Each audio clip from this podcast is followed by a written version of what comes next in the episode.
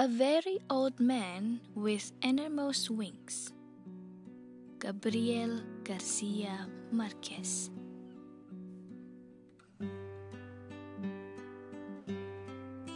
On the third day of rain, they had killed so many crabs inside the house that Pelayo had to cross his strange courtyard and throw them into the sea because the newborn child had a temperature all night and they thought it was due to the stench.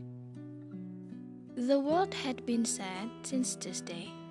Sea and sky were a single ash gray thing, and the sands of the beach, which on March nights glimmered like powder light, had become a stew of mud and rotten shellfish. The light was so weak at noon that when Pelayo was coming back to the house after throwing away the crabs, it was hard for him to see what it was that was moving and groaning in the rear of the courtyard. He had to go very close to see that it was an old man, a very old man, lying face down in the mud, who, in spite of his tremendous efforts, couldn't get up, impeded by his enormous wings. Frightened by that nightmare, Pelayo ran to get Elisenda, his wife, who was putting compresses on the sick child, and he took her to the rear of the courtyard. They both looked at the fallen body with the mute stupor. He was dressed like a rag picker. There were only a few faded hairs left on his bald skull and very few teeth in his mouth and his pitiful condition of a drenched great grandfather took away and sense of grandeur he might have had. His huge bizarre wings, dirty and half black, were forever entangled in the mud. They looked at him so long and so closely that Pelayo and Elisenda very soon overcame their surprise and in the end found him familiar. Then they dared speak to him, and he answered in an incomprehensible dialect with a strong sailor's voice. That was how they skipped over the inconvenience of the wings and quite intelligently concluded that he was a lonely castaway from some foreign ship wrecked by the storm. And yet they called in a neighbor woman who knew everything about life and death to see him, and all she needed was one look to show them their mistake. He's an angel, she told them. He must have been coming for the child, but the poor fellow is so old that the rain knocked him down. On the following day, everyone knew that a flesh and blood angel was held captive in Pelayo's house. Against the judgment of the wise neighbor woman, for whom angels in those times were the fugitive survivors of a spiritual conspiracy, they did not have the heart to club him to death.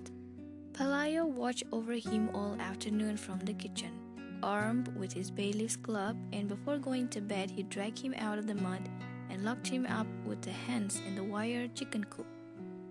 In the middle of the night, when the rain stopped, Pelayo and Elisenda were still killing crabs. A short time afterward, the child woke up without a fever and with a desire to eat. Then they felt magnanimous and decided to put the angel on a raft with fresh water and provisions for three days and leave him to his fate on the high seas. But when they went out into the courtyard with the first light of dawn, they found the whole neighborhood in front of the chicken coop having fun with the angel. Without the slightest reference, tossing him things to eat through the openings in the wire as if it weren't a supernatural creature but a circus animal.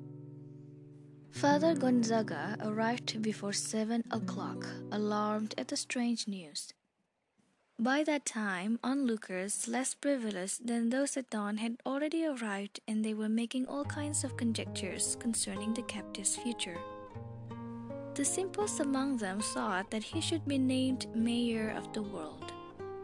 Others of sterner mind felt that he should be promoted to the rank of five star general in order to win all wars. Some visionaries hoped that he could be put to stud in order to implant the earth a race of winged wise men who could take charge of the universe. But Father Gonzaga, before becoming a priest, had been a robust woodcutter. Standing by the wire, he reviewed his catechism in an instant and asked them to open the door so that he could take a close look at that pitiful man who looked more like a huge decrepit hen among the fascinated chickens. He was lying in the corner, drying his open wings in the sunlight among the fruit peels and breakfast leftovers that the early risers had thrown him. Alien to the impertinence of the world, he only lifted his antiquarian eyes and murmured something in his dialect when his father Gonzaga went into the chicken coop and said good morning to him in Latin. The parish priest had his first suspicion of an impostor when he saw that he did not understand the language of God or know how to greet his ministers. Then he noticed that seen close up he was much too human. He had an unbearable smell of the outdoors. The backside of his wings was strewn with parasites, and his main feathers had been mistreated by terrestrial winds. And nothing about him measured up to the proud dignity of angels. Then he came out of the chicken coop and in a brief sermon warned the curious against the risk of being ingenious. He reminded them that the devil had the bad habit of making use of carnival tricks in order to confuse the unwary. He argued that if wings were not the essential element of in determining the difference between a hawk and an airplane, they were even less so in the recognition of angels. Nevertheless, he promised to write a letter to his bishop so that the letter would write his primate so that the letter would write to the Supreme Pontiff in order to get the final verdict from the highest courts. His prudence fell on sterile hearts. The news of the captive angel spread with such rapidity that after a few hours the courtyard had the bustle of a marketplace, and they had to call in troops with fixed bayonets to disperse the mob that was about to knock the house down. Elisenda, her spine all twisted from sweeping up so much marketplace trash, then got the idea of fencing in the yard and charging 5 cents admission to see the angel. The curious came from far away. A traveling carnival arrived with a flying acrobat who buzzed over the crowd several times, but no one paid any attention to him because his wings were not those of an angel, but rather those of a sidereal bat. The most unfortunate invalids on earth came in search of health. A poor woman who since childhood had been counting her heartbeats and had run out of numbers. A Portuguese man who couldn't sleep because the noise of the stars disturbed him.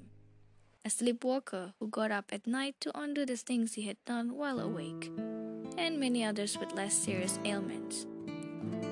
In the midst of that shipwreck disorder that made the earth tremble, Pelayo and Elisenda were happy with fatigue for in less than a week they had cramped their rooms with money and the line of pilgrims waiting their turn to enter still reached beyond the horizon. The angel was the only one who took no part in his own act. Spent his time trying to get comfortable in his borrowed nest, befuddled by the hellish heat of the oil lamps and the sacramental candles that had been placed along the wire. At first, they tried to make him eat some mothballs, which, according to the wisdom of the wise neighbor woman, was the food prescribed for angels. But he turned them down just as he turned down the pepper lunches that the pertinents brought him. And they never found out whether it was because he was an angel or because he was an old man, that in the end ate nothing but eggplant mush. His only supernatural virtue seemed to be patience especially during the first days when the hens pecked at him, searching for the stellar parasites that proliferated in his wings, and the cripples pulled out feathers to touch their defective parts with, and even the most merciful threw stones at him, trying to get him to rise so they could see him standing. The only time they succeeded in arousing him was when they burned his sight with an iron for branding steers for he had been motionless for so many hours that they thought he was dead. He awoke with a start, ranting in his hermetic language and with tears in his eyes, and he flapped his wings a couple of times, which brought on a whirlwind of chicken dung and lunar dust, and a gale of panic that did not seem to be of this world. Although many thought that his reaction had not been one of rage, but of pain, from then on they were careful not to annoy him, because the majority understood that his passivity was not that of a herd taking his ease, but that of a cataclysm in repose. Father Gonzaga held back the crowd's frivolity with formulas of maidservant inspiration while awaiting the arrival of a final judgment on the nature of the captive. But the mail from Rome showed no sense of urgency. They spent their time finding out if the prisoners had a navel, if his dialect had any connection with Aramaic, how many times he could feed on the head of his pin, or whether he wasn't just a Norwegian with wings. Those meager letters might have come and gone until the end of time if a providential event had not put an end to the priest's tribulations. It so happened that during those days, among so many other carnival attractions, there arrived in the town the traveling show of the woman who had been changed into a spider for having disobeyed her parents.